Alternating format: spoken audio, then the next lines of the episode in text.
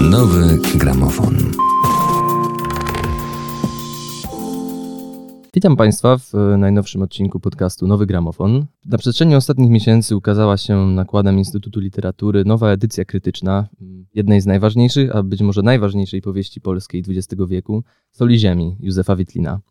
E, z tej okazji gościmy w studiu, mogę bez cienia przesady powiedzieć, grono ekspertów zajmujących się twórczością tego pisarza, a są z nami profesor Katarzyna Szewczyk-Hake z Uniwersytetu imienia Adama Mickiewicza w Poznaniu, autorka między innymi książki Moralna strona ludzkiego bytu o twórczości Józefa Witlina, e, profesor Wojciech Ligenza z Uniwersytetu Jagiellońskiego, e, niegdyś kierownik Katedry Historii Literatury Polskiej XX wieku, no i człowiek, któremu e, recepcja współczesna Józefa Witlina również zawdzięcza bardzo wiele. A rozmowę e, poprowadzi Maciej Wcisło, doktorant w Szkole Doktorskiej Nauk Humanistycznych Uniwersytetu Jagiellońskiego, człowiek, o którym mogę chyba powiedzieć, że zjadł na Witlinie swoje krytyczno- i historyczno-literackie zęby mleczne.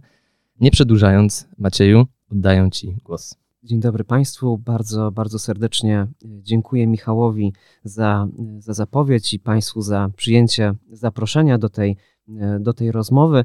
Tak jak już zostało powiedziane, właśnie okazją do naszej rozmowy na temat Józefa Witlina jest wznowienie jego, jego powieści Sól, Sól Ziemi.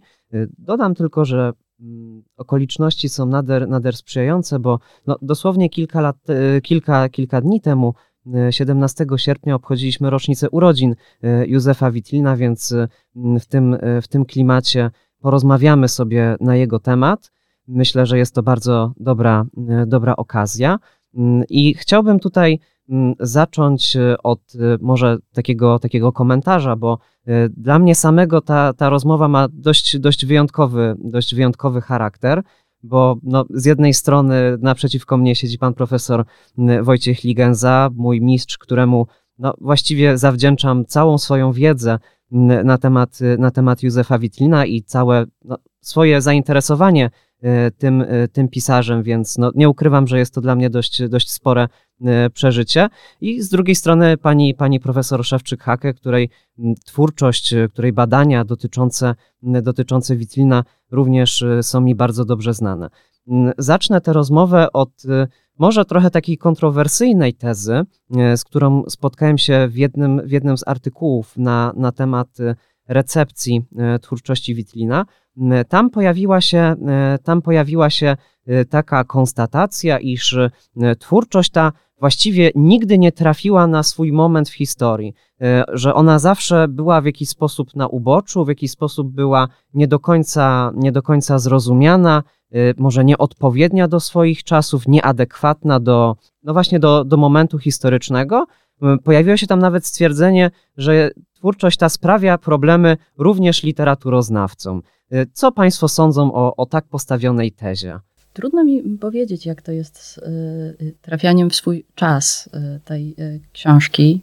To jest chyba tak, że w swój czas to trafiają takie utwory, które chcą być bardzo aktualne, tylko że ten czas mm, ma to do siebie, że potem dość szybko mija ten właściwy moment. Sól Ziemi chyba została zakomponowana z takim właśnie pomysłem, z taką nadzieją, żeby nie spalała się w jakimś takim bieżącym, bieżącej lekturze, tylko mm, jak sam Witlin to chyba w jednym z komentarzy pisze, mm, że pisząc tę powieść myślał o, swoim, o swoich wnukach i prawnukach, prawda? Może dlatego, e, dlatego e, gdzieś ma się czasami wrażenie, że ta powieść dotykająca bardzo istotnych i uniwersalnych spraw nigdy nie jest taka aktualna w sensie, y, no, mm, że teraz przychodzi najwłaściwszy moment na lekturę. Y, ona, y, ta powieść po prostu trwa i, i, i dobrze, że jest przypominana co i raz, a w ostatnich latach nieco, nieco intensywniej. Zresztą sam Witlin tak zaprojektował swoje dzieło, żeby właśnie ono było nie na czasie. Jak pan pamięta, panie Macieju, jak pani profesor to potwierdzi, Y, Witlin y, mówił o y, pismach pośmiertnych, żeby od razu pisać dla przyszłości. Niezbyt intensywnie zadawać się z czasem aktualnym, więc Witlinowi szczególnie zależało na tym, żeby być nie w porę, bo ktoś, kto pojawia się z tekstem nie w porę, sprawia kłopot, tak jak pan powiedział na samym wstępie. Ludzie mają tendencję taką, żeby szybko zapominać. Witlin jest pisarzem, który pamięta, wchodzi więc w kontrowersję swoim, ze swoim czytelnikiem. Witlin jest pisarzem, który właściwie spotyka się z eksperymentami, z, z prozą nowoczesną, ale czyni to na inny sposób, właśnie sięgając do eposu, aktualizując mity, czyli też tutaj sprawia tę trudność, o której Pan mówił. To zdanie, które, które przywołałem, też jak gdyby nasuwa taką refleksję, ponieważ ono w pewnym sensie może sugerować, że tak na dobrą sprawę ta powieść nigdy nie została dowartościowana, nigdy nie znalazła właściwego, właściwego miejsca w kanonie. Jak wiemy, to jest, to jest nieprawda i właśnie z tego względu e, to zdanie tak mocno zapadło mi w pamięci. Polemizowałem z nim na, właściwie na samym początku swojej pracy magisterskiej. No, przypomnijmy przecież, że, że, że Sól Ziemi e, była i jest nadal tłumaczona na kilkanaście języków, uzyskała, uzyskała wiele, wiele nagród. Dowód tego, że jest aktualna i że jest potrzebna Myślę również, jest fakt, że, że mamy przed sobą to, to, to wznowienie, to, to, nowe, to nowe wydanie. Tak w ramach jeszcze kronikarskiego obowiązku może dodam, że właśnie dotychczasowe wydanie Soli Ziemi, którym, którym dysponowaliśmy, to było wydanie z roku 2014, wydane przez Wysoki Zamek właśnie z posłowiem pana, pana profesora no ciężko, ciężko się zgodzić y, z taką tezą. Myślę, że no też fakt, że, że Sól Ziemi była powieścią wydaną przez Bibliotekę Narodową. To jest praktycznie no, jedyny utwór Józefa Witlina opublikowany przez Bibliotekę Narodową, nie licząc może mm, Orfeusza w piekle XX wieku w tomie, mm, w tomie e, antologii eseju polskiego.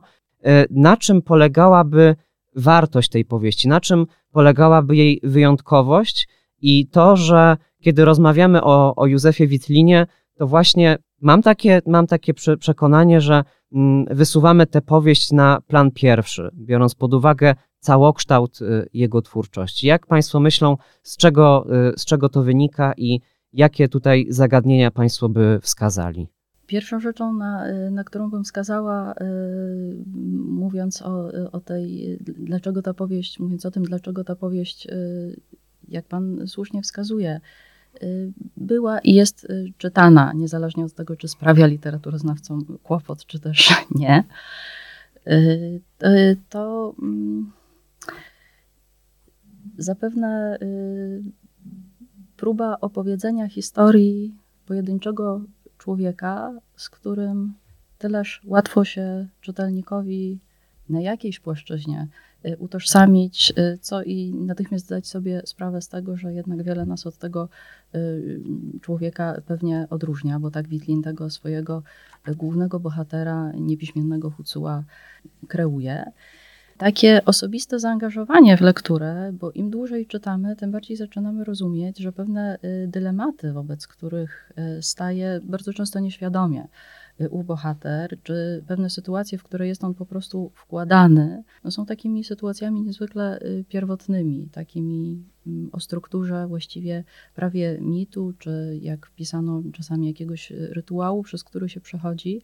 Chociaż rzadko pewnie y, w codziennym zabieganiu myślimy w ten sposób o naszym życiu, no to właśnie mm, Piotr Niewiadomski trochę ta postać stanowi dla nas takie może memento, że żyjemy w rzeczywistościach, które nas po prostu wielokroć, powielokroć przerastają. Mm, I ten taki uniwersalny y, wymiar tej diagnozy, taki uderzający od pierwszej zupełnie, mm, pierwszych zupełnie słów tej powieści, która otwiera się jako opowieść mityczna.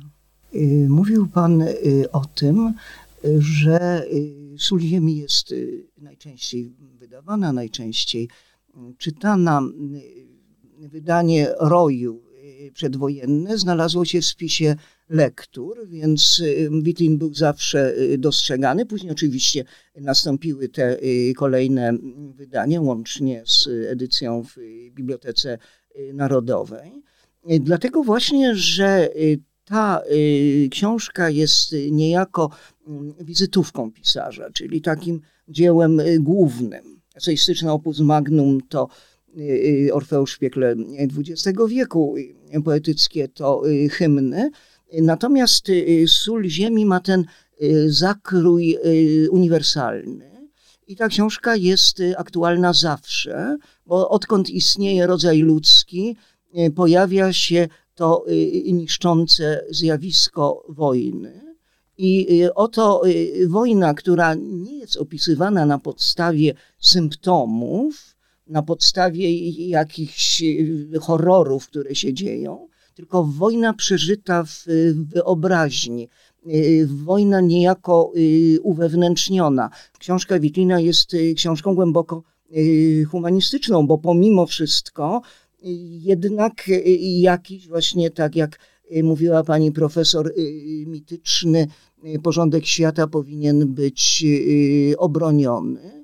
No i Witlin, można by powiedzieć, jest takim złym sumieniem ludzi z siebie zadowolonych, ludzi, którzy y, no, y, y, gonią za przyjemnością i zmianą, natomiast nie pytają o rzeczy najbardziej istotne dla, dla losu ludzkiego, dla istnienia ludzkiego, dla, egzystencji. I, I tutaj mi się wydaje, wartość tej książki jest wielka, nie da się ją właściwie zmierzyć. A druga kwestia to niezwykła, niezwykła forma.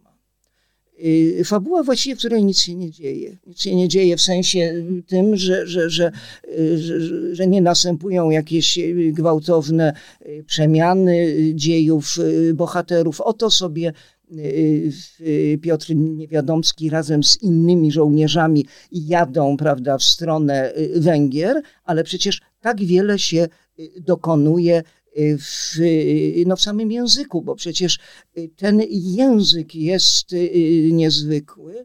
Y, chyba żaden pisarz y, nie dał tak świetnych poetyckich fragmentów, metaforycznych, obrazowych wykładni losu tego, co się dzieje. No i jeszcze to zbicie naiwnego Hucuła, prostaczka, który nie jest całkiem oświeceniowym y, prostaczkiem, y, z y, wyrafinowanym narratorem, taką nadświadomością bohatera, co daje świetne efekty ironiczne, ale też psychologiczne czy, czy, czy, czy filozoficzne.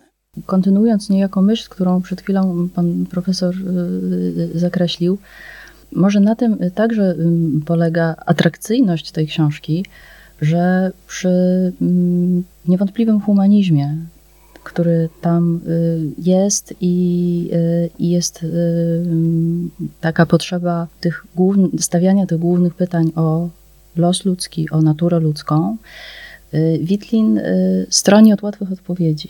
On różnicuje właśnie bardzo pieczołowicie te głosy narratora i, i bohatera czy, czy bohaterów, tak jak gdyby chciał cały czas trzymać nas w niepewności. Jeśli czytelnik da się sprowokować i y, będzie sobie co chwilę, tak jak chyba Witlin trochę to planował, y, zadawał pytania, no dobrze, ale kto ma rację, jak właściwie to, jak to jest właściwie, no to jest jeden z największych y, zasług pisarskich tej, tej, tej powieści, jak sądzę. Prowokowanie do tego, żeby czytelnik był Y, tą piękną, y, piękną, ciekawą, barwną frazą nieuśpiony, niezwiedziony, tylko cały czas w jakimś stanie takiej wewnętrznej dyspozycyjności na odpowiedzi na te właśnie istotne pytania. Witlin y, nie usypie. To jest wspaniała, wielogłosowa partytura, która skierowana jest do każdego z nas, do każdego mm, czytelnika. A jak będziemy czytać sól ziemi, to tutaj istnieje bardzo wiele y, możliwości. Ja jeszcze dodam do, do swojej poprzedniej wypowiedzi, bo kiedy zacząłem właśnie przytaczać te poprzednie, poprzednie wydania Soli Ziemi, to wspomniałem, wspomniałem o tym wydaniu Biblioteki Narodowej, bo właśnie uważam, że fakt, przynajmniej tak to funkcjonuje w tym naszym literaturoznawczym świecie, że jednak ten gest wydania jakiegoś utworu w serii Biblioteka Narodowa jest jednak odczytywany jako pewien taki gest nobilitacyjny, więc e, jeżeli potraktować by to jako pewien, pewien wyznacznik e, miary poziomu czy, czy rangi utworu, no to tutaj chociażby z tego względu, no ta jego ranga jest, jest niezaprzeczalna. Natomiast nawiązując do tego, Państwo tutaj mówili o tym, że, że Józef Witlin jest pisarzem, który właśnie porusza, porusza sumienia sobie współczesnych, porusza sumienia e, czytelników, być może swoje również przy okazji, e, przy okazji też. I wydaje mi się, że tutaj ważna i warta przytoczenia jest e, kategoria moralności Józefa Witlina jako moralisty, ponieważ no, dostrzegłem taką bardzo interesującą analogię. Pan profesor, kiedy wydawano kiedy wydawano poezję Józefa Witlina, to posłowie nosi tytuł y, wyznania moralisty o twórczości Józefa Witlina, natomiast pani profesor, kiedy mm, kilka lat temu y, ukazała się mm, monografia właśnie y, nakładem Instytutu Literatury, nosiła ona tytuł Moralna strona ludzkiego bytu, czyli no, z tego wnioskuję, że właśnie ten aspekt moralności, aspekt sumienia, no, też siłą rzeczy pytanie o, o źródło zła w tym, w tym świecie. Jest to, jak, jak wnioskuję, ważne, ważne zagadnienie w państwa, w państwa badaniach na temat, na temat Józefa Witlina. Jakby mogli Państwo e, troszkę przybliżyć tę te, tematykę.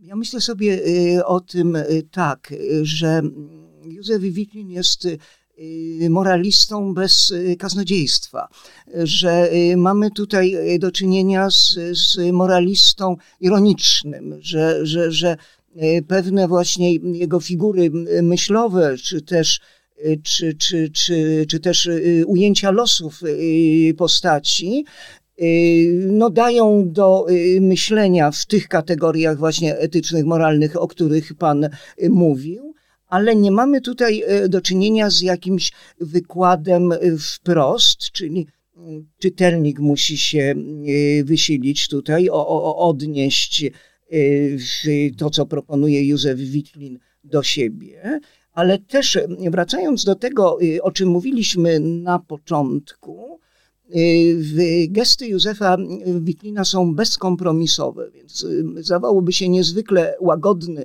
najbardziej y, łagodny człowiek, jak, jak sobie to tylko można wyobrazić, jest bezkompromisowy, który właśnie mówi, że protestuje, nie pozwalam, nie zgadzam się. Weźmy taki przykład z Orfeusza, wykraczając nieco pona, poza sól ziemi. Dlaczego nie przemawiałem do Polski? Jest taki esej. Rzecz polega na tym, że y, zasłuchanie radia i posiadanie radia y, w Polsce w czasie y, okupacji niemieckiej groziła kara śmierci. Witin mówił, moi koledzy chętnie mówią przez radio, ja nie będę przez radio się wypowiadać, gdyż żadne słowa, żadne pouczenia, żadne wskazania czy przesłania nie są takie, by ryzykować y, życie. Myślę, że mm, ta kwestia y, moralizmu Witlina daje się powiązać z kwestią, o którą pytał Pan na samym początku, to znaczy tym, jak to jest, trafił w swój czas, czyli też nie trafił.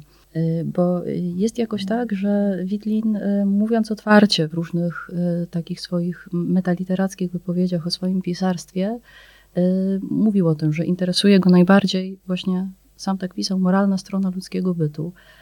Po czym w innym eseju dodaje trochę tak żałośliwie, a trochę ironicznie, że mówienie o moralności należy już zapewne do anachronizmów. Archaizujmy jednak świadomie, mówi Witlin. Y, w tym y, humoryst, sarkastycznym trochę, a przynajmniej takim no, autoironicznym, zdystansowanym wobec samego siebie y, ujęciu y, no, tkwi ziarno prawdy. Jest jakoś tak, że mm, w, tak potoczył, potoczył się rozwój europejskiej myśli y, filozoficznej, y, że te pytania o moralność gdzieś tam od oświecenia y, siłą rzeczy były odrywane od myśli teologicznej. Literatura z kolei od moralistyki gdzieś właśnie pewnie od przełomu oświeceniowego, kiedy to jeszcze mm, pisarstwo nastawione na moralistykę było modne, no później zaczęła odchodzić. I Witlin, zainteresowany tą sferą zagadnień, y, właściwie wkraczał na teren, y, można powiedzieć, niezagospodarowany. W tym sensie, że y, wiedział, że to mówienie o moralności, żeby nie było przez czytelników potraktowane jako skrajny już archaizm, musi posłużyć się, no, musi zostać przemyślane na nowo.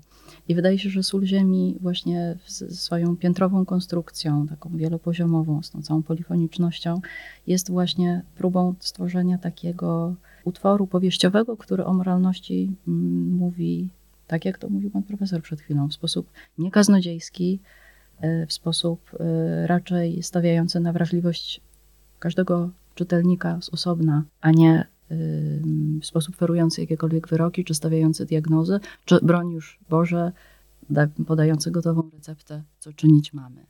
Przypomniało mi się jeszcze, że jako też taki kolejny argument do, do tego, co Państwo tutaj e, przytoczyli, e, dlaczego i że po prostu jako potwierdzenie faktu, że moralność e, jest istotnym tematem dla, dla Józefa Witlina i że właśnie te, ta sprawa bardzo mocno go, go angażowała. Przypomniało mi się, że jest taki właśnie esej o potrzebie nowej moralności, w której e, dosyć, e, dosyć interesująco i, i zaskakująco, powiedziałbym wręcz, e, udowadnia, że jakąś największą tragedią dla Polaków po, po II wojnie światowej, oczywiście pomijając no, niezaprzeczalne straty, straty materialne, śmierć wielu milionów ludzi, jest też to, że właśnie wojna wywróciła w ludziach właśnie jakieś takie poczucie moralności, że to zło w nieprawdopodobnym, na nieprawdopodobną wręcz skalę rozległo się po świecie, rozlało się na, na cały świat. I teraz zadaniem pisarzy, zadaniem intelektualistów jest w jakiś sposób niekoniecznie może przywrócić stary porządek, ale właśnie wprowadzić jakiś nowy porządek, nową moralność, tak, żeby to dobro w tym świecie na nowo, na nowo zagościło. No, niestety, znając, znając y, losy Polski po II wojnie światowej, nasi pisarze nie byli w stanie tego zagwarantować, nie byli w stanie wykonać tego zadania, chociaż oczywiście y, próbowali poprzez swoją działalność i, i, i twórczość emigracyjną. Y, chciałbym wrócić oczywiście znowu do, do, do głównego tematu naszej rozmowy, czyli, czyli do soli ziemi bo mm, jeżeli by tak ją e, wpisywać e, w kontekst, e, szerszy kontekst twórczości Józefa Witlina, mam takie, mam takie, mam takie wrażenie, takie przekonanie, że zagadnienia, które w niej się znajdują, to o czym pisał chociażby pan profesor w swoim posłowiu, kwestia mechanizmów wojen, mechanizmu powstawania wojny, mechanizmu zawłaszczania jednostki przez jakąś władzę, mm, to są kwestie, które właściwie już zostały zapowiedziane w hymnach. Mm, tutaj mam, mam na myśli e, tę słynną frazę, e, która też no, na naszych zajęciach wielokrotnie wybrzmiewała. Mm, jak odpowiedzieć na pytanie, dlaczego drugi człowiek, który tak na dobrą sprawę jest do nas podobny, dlaczego on musiał zostać zabity? Ze względu na E, wraży kształt czapki i wraże guziki.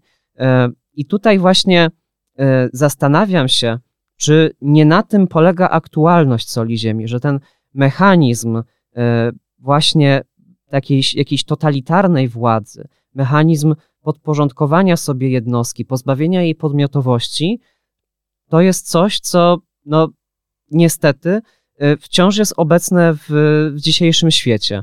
Czy w tym również y, Państwo by upatrywali właśnie jakiejś aktualności y, tej książki? O zgrozo zapewne tak. i nie ma pewnie specjalnie widoków na to, żeby ten stan rzeczy jakoś radykalnie miał się zmienić. Pewnie tak jest i być może właśnie też obecny kontekst prawda, wojny, która y, wprawdzie jak, jak to chyba jest u Wojciecha Munarskiego, wojna jest zawsze bardzo blisko, ale teraz jest jakoś szczególnie blisko, prawda?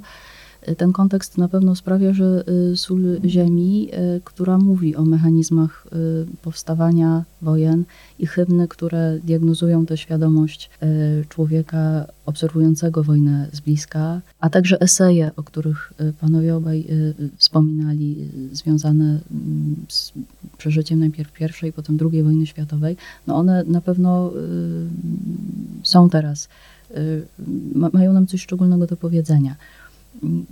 Dlatego też, jak sądzę, mm, recepcja za granicą Witlina w tej chwili nie ustaje, wręcz przeciwnie. Jest to taki pisarz no, eksportowy trochę obecnie. Kiedyś się powołałem na Pascala, na jego y, myśli. Mianowicie y, tam pojawia się taka kwestia. Królowie czy władcy tego świata są ze sobą w zwadzie.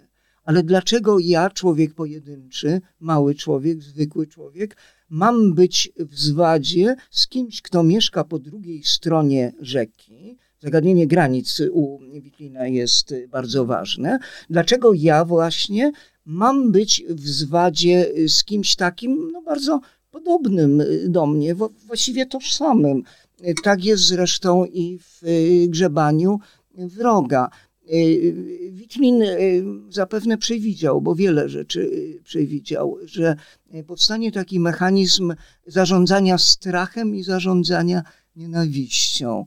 Sól Ziemi właśnie pokazuje te diabelskie mechanizmy spętania człowieka przez świętą subordynację i, i, i kapłanów, kapłana szczególnie tutaj Bachmatiuka, że, że, że właśnie w imieniu tych najmniejszych, którzy koniecznie chcą wierzyć w świętość y, cesarza, a nie, a nie tylko w zło świata, w ich imieniu należy się wypowiedzieć i ich y, rację wydobyć na jaw. Zresztą to jest temat witlinowski, poetycki, także żołnierz znany, czyli ten żołnierz y, pogardzany, ten żołnierz, który jest mięsem y, armatnim, niechże będzie znany za życia, a nie w, w, w mogile pod pięknie sklepionym łukiem, prawda, jako żołnierz nieznany. To witlinowskie y, stawianie problemu tego, że ludzie są tacy do siebie podobni, a mimo to zmuszani Y, czasem zewnętrznymi siłami do, y, do działań y, wojennych wymierzonych przeciwko sobie nawzajem. Mm, ono się jakoś wiąże w moim przekonaniu z taką problematyką też u Witlina podskórnie obecną w bardzo wielu tekstach, a w Soli Ziemi szczególnie wyraziście, to znaczy w ogóle z różnicami etnicznymi między ludźmi, prawda? I sól ziemi jest tutaj bardzo y, y, szczególna znowu, bo y, pisząc o mnóstwie narodów, narodowości, etnosów, kultur, ba, religii, prawda? W tym, na tym skrawku ziemi, nie tak znowu wielkim, którego przecież ta akcja tej powieści dotyczy, gdzie, gdzie ona się rozgrywa, mm, na jakimś poziomie Witlin, na poziomie no gdzieś y, narracji istniejącym, mówi o tym, że jesteśmy wszyscy jakoś odróżnicowani, jesteśmy podobni. I, y, i te dwie prawdy w tej książce się jakoś w przedziwny sposób wiążą. Do, dodam, bardzo, bardzo urzekła mnie ta, to, to sformułowanie pani profesor o tym, że, że Witlin jest towarem eksportowym. Myślę, że Elżbieta Witlin byłaby, byłaby bardzo wdzięczna i, i myślę, że zgodziłaby się, zgodziłaby się z takim postawieniem sprawy.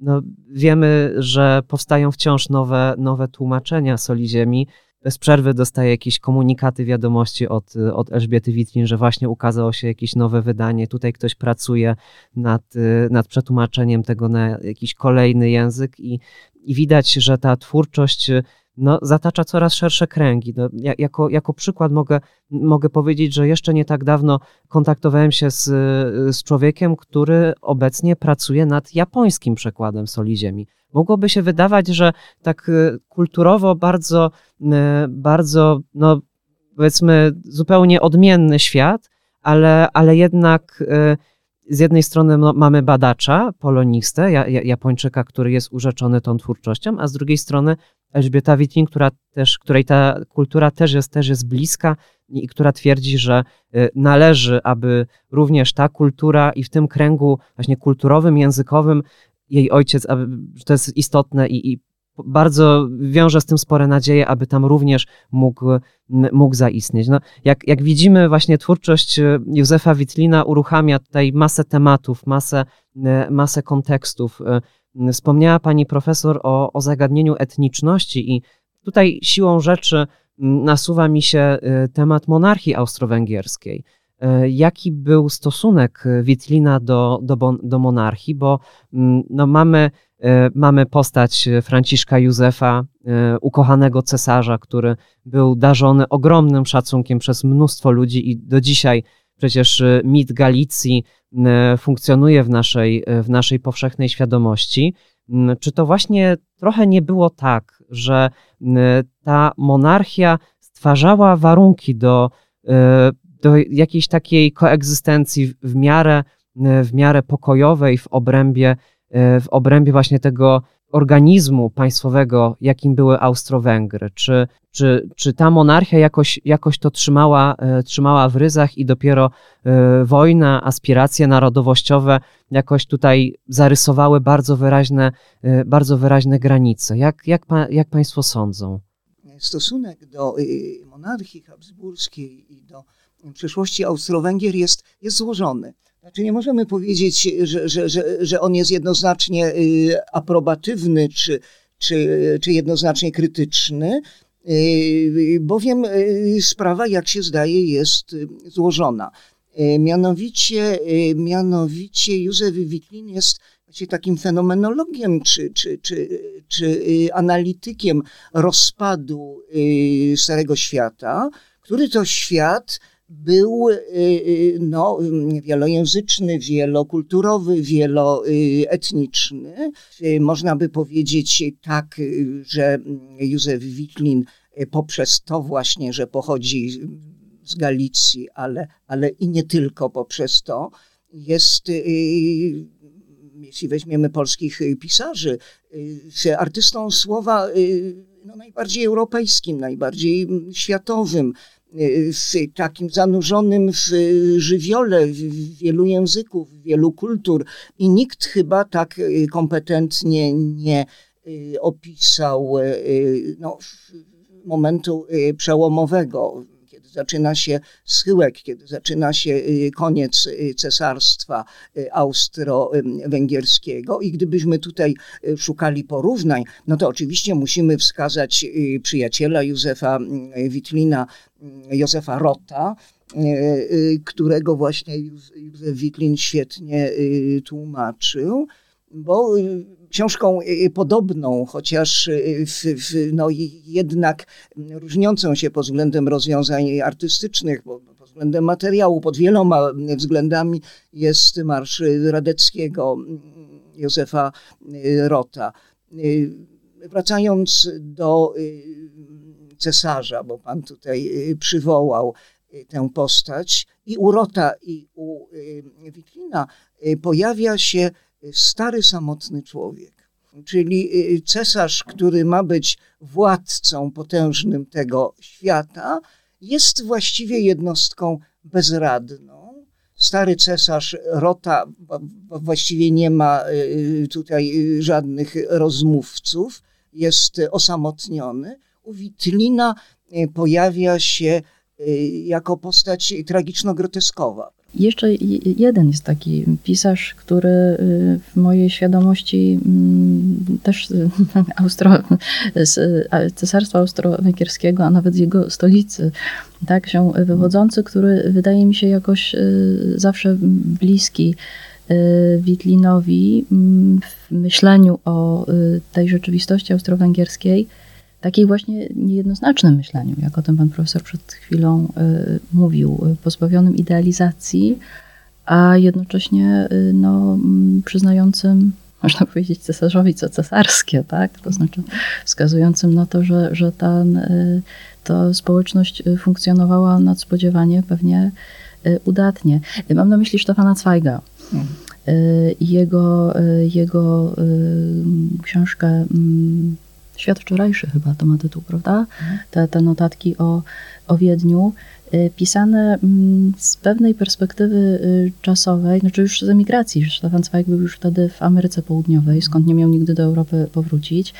I to jest takie pisanie o krainie młodości, trochę takie, zawsze sobie myślę, jak u mm, Witlina w moim Lwowie. To znaczy taka świadomość, że to już jest pewnie zamknięta przeszłość, którą wspomina się z taką maksymalną potrzebą uczciwości wewnętrznej z tą świadomością, że to jest moja młodość. A jednak y, chcę się powiedzieć, jakie wartości tego świata y, no, obiektywnie wartościami były. Chciałbym jeszcze wrócić właśnie do tej kwestii e, etniczności, e, wielojęzyczności, bo mm, tutaj Państwo powiedzieli y, bardzo, bardzo trafnie, że no to nie jest taka, że to nie jest takie kronikarskie, to nie jest kronikarski, mm, kronikarski opis, ale jednak e, jest on, tej powieści dostarcza nam się niezwykle drobiazgowy, niezwykle bogaty opis świata, no, który właśnie mm, odszedł w zapomnienie. I wydaje mi się, że to również jest y, ważnym elementem składowym tego, dlaczego ta powieść jest, y, jest tak ważna, tak dobrze się ją czyta. Czyli te kwestie mm, szczegółów, kwestie właśnie różnego rodzaju języków, detali z różnych dziedzin życia, chociażby z zakresu wojskowości, różne szczegóły też geograficzne i tak dalej. E, I też czymś, co przynajmniej mnie przyciągnęło do tej, do tej książki, jest język. Jakby Państwo mogli jeszcze właśnie wskazać różne takie istotne, ciekawe z Państwa punktu widzenia e, elementy w tej powieści, które mogłyby naszych czytelni e, czytelników i czytelników i słuchaczy skłonić do tego, żeby sięgnąć po tę powieść? Ja potraktuję to pytanie tak dość literalnie na początek i powiem o języku, czy też takiej. Mm,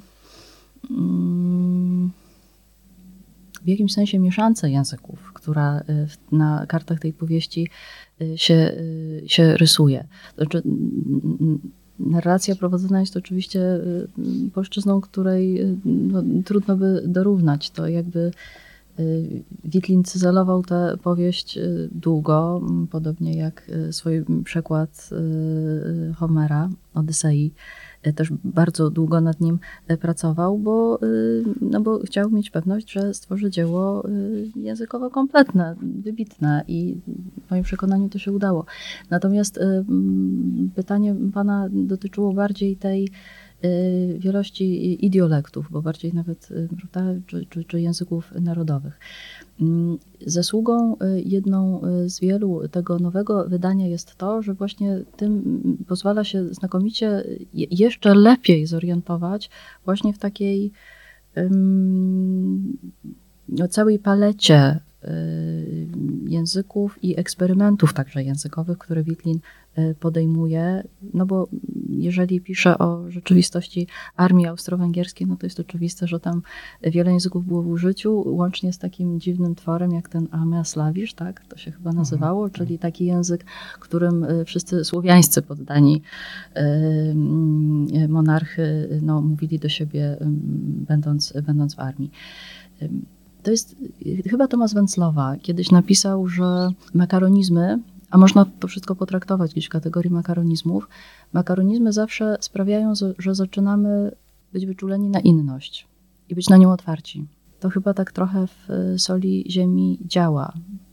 To miało wybrzmieć w tych różnych językach, nie z powodu jakiegoś upodobania do realizmu, bo o to bym, bym tutaj nadmiernie Witlina nie podejrzewała, tylko właśnie chyba z takim y, drugim dnem, to znaczy różnorodność jest, bo ja wiem, może solą ziemi? Ja tak chciałbym się podzielić taką, taką refleksją jeszcze, mm, kiedy po raz pierwszy zobaczyłem okładkę e, tego wznowienia, pomyślałem sobie, że jest ona no, ze wszechmiar symboliczna, no bo mamy tutaj czarno-żółte barwy monarchii austro-węgierskiej i mamy zachodzące słońce, czyli... Ten... Zaćmienie słońca to jest, panie Macieju. Tak, zaćmienie, jest... oczywiście, tak, tak, tak, przejęzyczyłem się.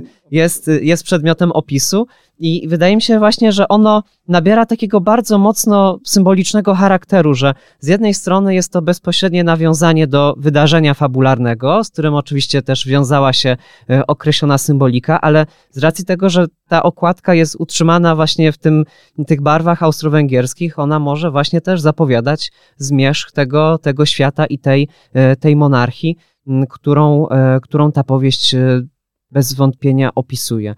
Mnie y, na tej y, no, bardzo dobrze zaprojektowanej okładce y, takie inne jakiś rodzaj zderzenia czy, czy związku też zainteresował, czy dał mi do myślenia. Z jednej strony no, zaćmienie słońca, obciąż, wiadomo, opisane w powieści i tam też mające takie symboliczne sensy, ale w ogóle w kulturze, prawda? Y, będące mm, no, takim mm, zawsze znakiem, y, traktowane jako znak no, nieszczęścia, zachwiania porządku rzeczywistości. A obok tego te dwa słowa, które Witlin jakże tajemniczo wybrał na tytuł swojej powieści, Sól ziemi.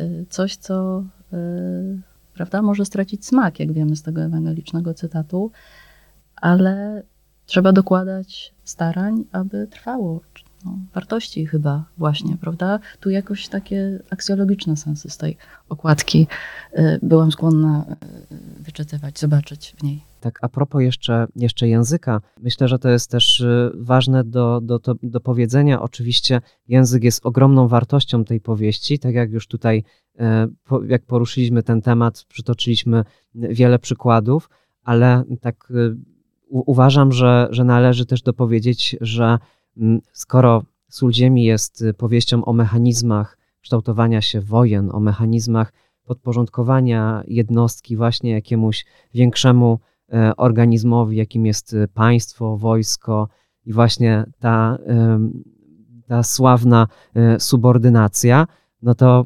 trzeba też dopowiedzieć oczywiście, że ten język y, w tej powieści jest również przedstawiony jako narzędzie zła, bo to właśnie ten język e, deprecjonuje człowieka, pozbawia go podmiotowości.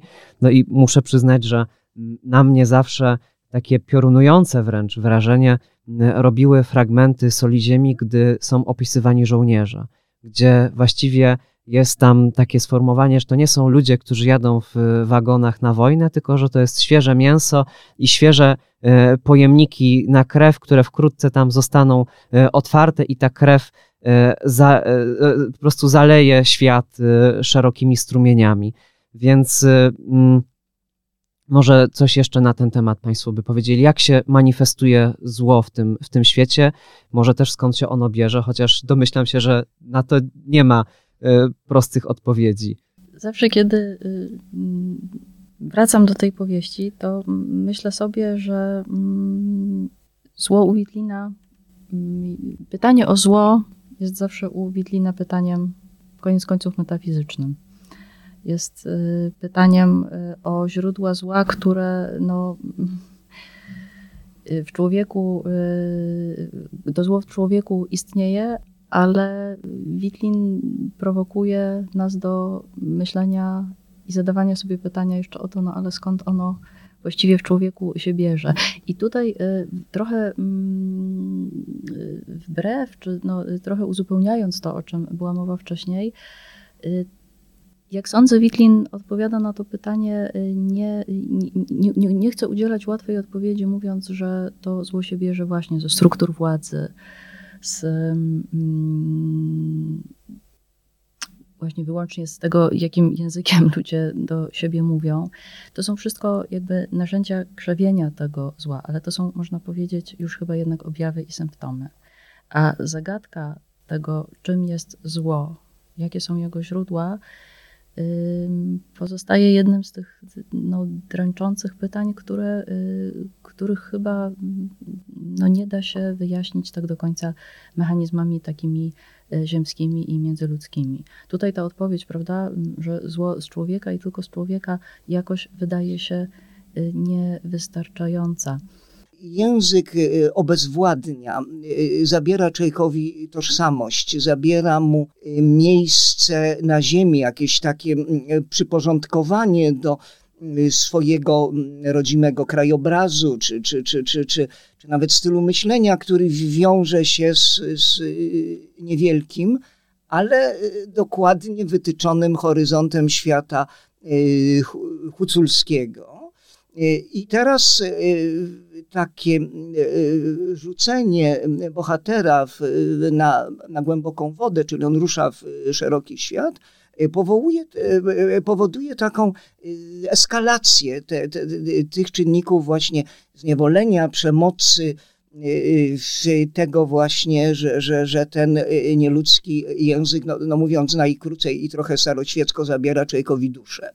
Więc jak się zdaje, Y, to nie tylko, y, y, tak powiedzieć, zło konstytuuje się na poziomie interakcji społecznej, że oto jedni niewolą innych, a ci, którzy niewolą, są niewoleni przez jakieś bardzo takie wielkie mechanizmy historyczne czy, czy, czy, czy, czy mechanizmy władzy, tylko właśnie to zło y, no niejako w, wcielone jest y, w istnienie, a wojna jest, jest czynnikiem, który, który, który no, tutaj y, zło wyzwala, intensyfikuje, więc, więc to pytanie augustjańskie, undemalum, u Witlina naprawdę rozważane jest w sposób subtelny, niejednoznaczny i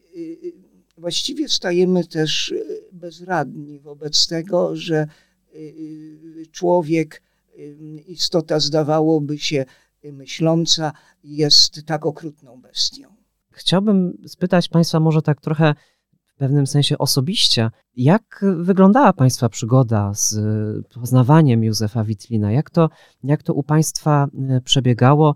Co Państwa właśnie w tym pisarstwie urzekło, a co mogłoby właśnie zainteresować tego naszego współczesnego czytelnika, czytelnika XXI wieku, czytelnika właśnie w pewnym sensie już zapowiedzianego, oczekiwanego przez Witlinę jako tego e, czytelnika z przytaczanych już e, pism pośmiertnych, czyli jakby Państwo właśnie mogli podzielić się jakimiś takimi refleksjami z naszymi słuchaczami, mają, dostają właśnie nowe wydanie Soli Ziemi, po co jeszcze, do czego jeszcze mogliby e, sięgnąć, może w jakiej kolejności, jaki konkretnie może utwór Państwo by, e, państwo by polecili, czy mają do niego jakiś e, szczególny sentyment.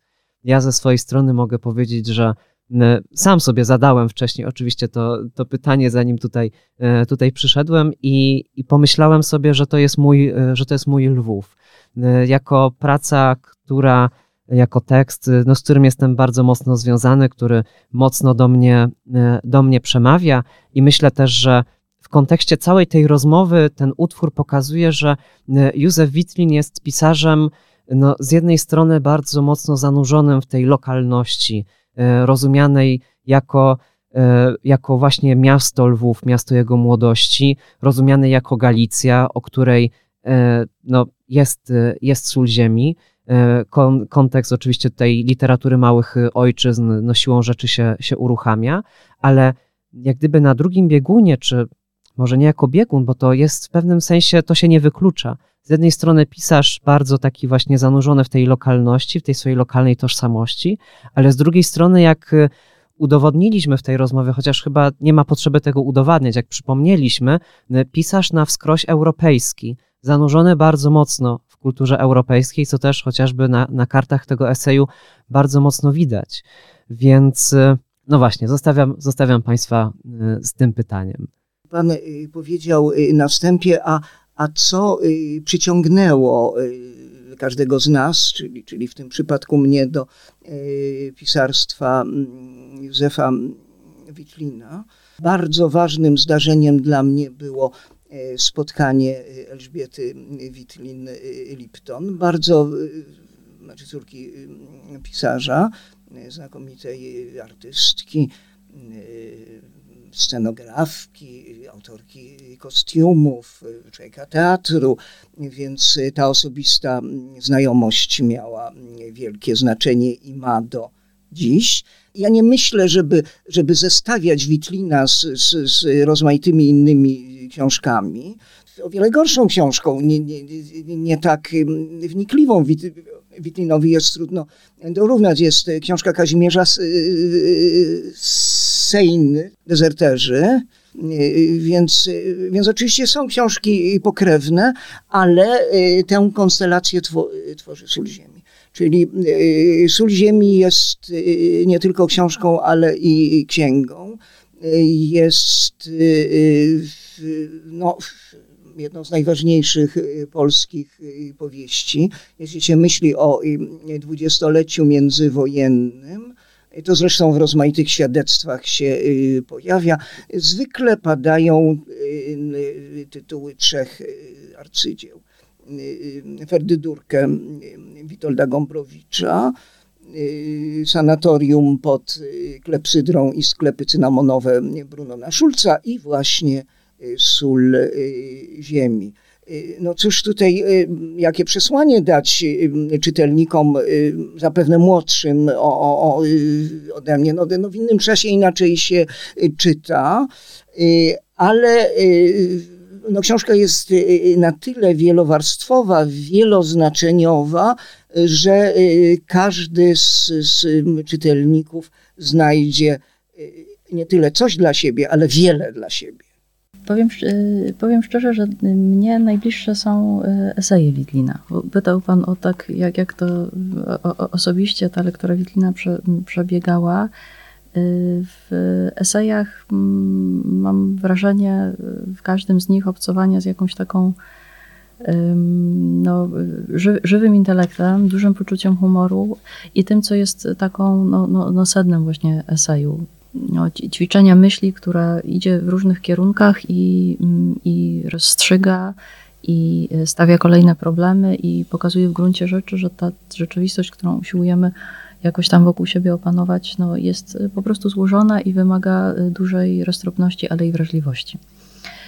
I szczerze powiedziawszy, wydaje mi się, że to jest taka cecha Witlina potem w innych jego, w utworach literackich także po prostu widoczna. W eseju, no, można powiedzieć, no, mówi do nas Józef Witlin, ale w tych innych e, tekstach, prawda, w hymnach, gdzie mm, jak uczy nas mm, teoria literatury, mówi podmiot liryczny, czy w Soli Ziemi, gdzie mówi narrator, czy bohaterowie, e, ta właśnie cecha Witlina, jaką jest domyśliwanie zagadnień do końca i mm, pokorne i stoickie godzenie się na to, że czasem nawet domyślanie do końca nie oznacza e, odpowiedzi danej raz na zawsze, to było coś, co mnie w Widlinie chyba najbardziej y, zawsze urzekało.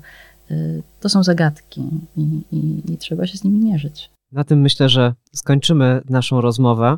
E, bardzo, bardzo serdecznie Państwu dziękuję. Jestem przekonany, że, że ta rozmowa zachęci wielu, wielu naszych słuchaczy do sięgnięcia po, po Sól Ziemi, jak również po, po inne utwory autorstwa Józefa Witlina. E, mam nadzieję, że będziemy mieli jeszcze, jeszcze okazję porozmawiać o, o, o Witlinie, bo no, jak, jak zresztą sami Państwo słyszą, tematów, które się nasuwają, tematy, które się przed nami e, otwierają przy okazji poruszania różnych zagadnień, jest naprawdę nieskończenie wiele. Zatem bardzo serdecznie Państwu dziękuję i moimi Państwa gośćmi byli Państwo profesorowie Katarzyna Szewczyk-Hake i Wojciech Ligenza i rozmowę z ogromną przyjemnością poprowadził Maciej Wcisło. Dziękuję Państwu bardzo. Program powstał w Instytucie Literatury w Krakowie.